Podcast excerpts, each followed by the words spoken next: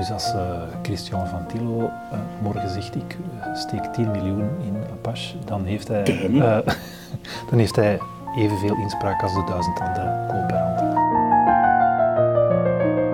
Dus als antwoord op mensen die ons zwijgen willen opleggen, vind ik het wel fijn om te zeggen we gaan wat dieper graven. Maar jij gaat ook tien jaar bij de morgen, tien jaar of negen jaar, negen jaar, tien jaar daar gezeten. Ja. Dan moet je daar toch echt graag gewerkt hebben ook.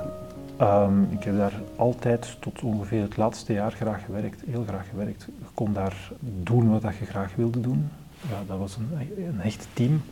Maar dat is dan ja, van bovenuit, met de komst van Klaus van Isakker, uh, echt zeer bewust uit elkaar gespeeld. Uh, om in een poging om ja, de morgen een andere koers of een andere richting in te duwen. Uw, uw mail, uw afscheidsmail, als ik het goed heb, was, waren twee regels. Ja, die was redelijk kort.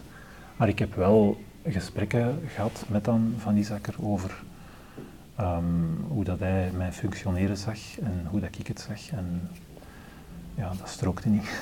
Ik volgde toen eigenlijk vooral het Frans Belang mm. voor de morgen en ook de farmaceutische industrie.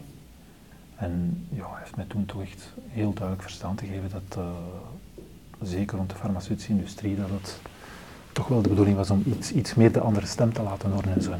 Wat is de andere stem dan? Die van de industrie. Ah ja.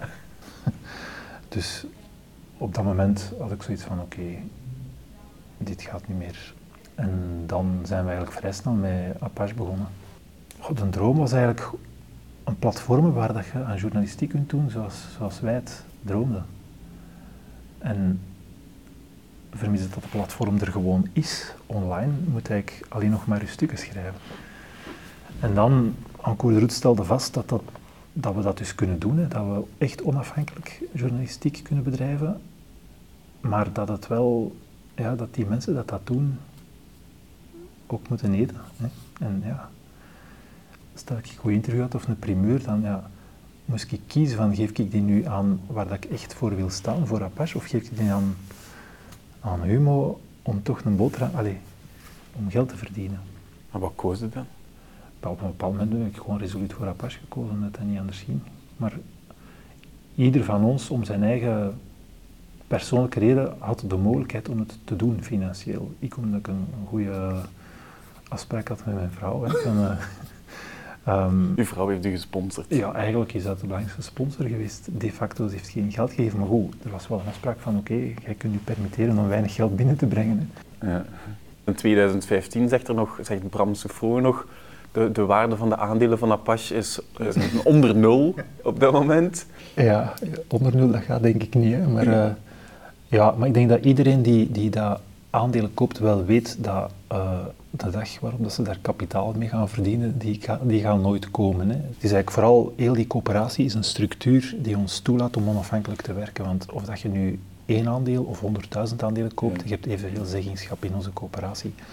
Dat betekent dus ook dat daar geen grof geld mee kan verdiend worden. Ja. Het punt is nu wel dat we mensen een bescheiden loon, we betalen nu 2500 euro bruto. Mm -hmm. uh, aan iedereen? Aan iedereen, ja, betaalt iedereen hetzelfde. Dus dat is niet veel, want je gaat daar ja, niet zoveel van over. Hè. Mm. Maar goed, je kunt daar wel van leven.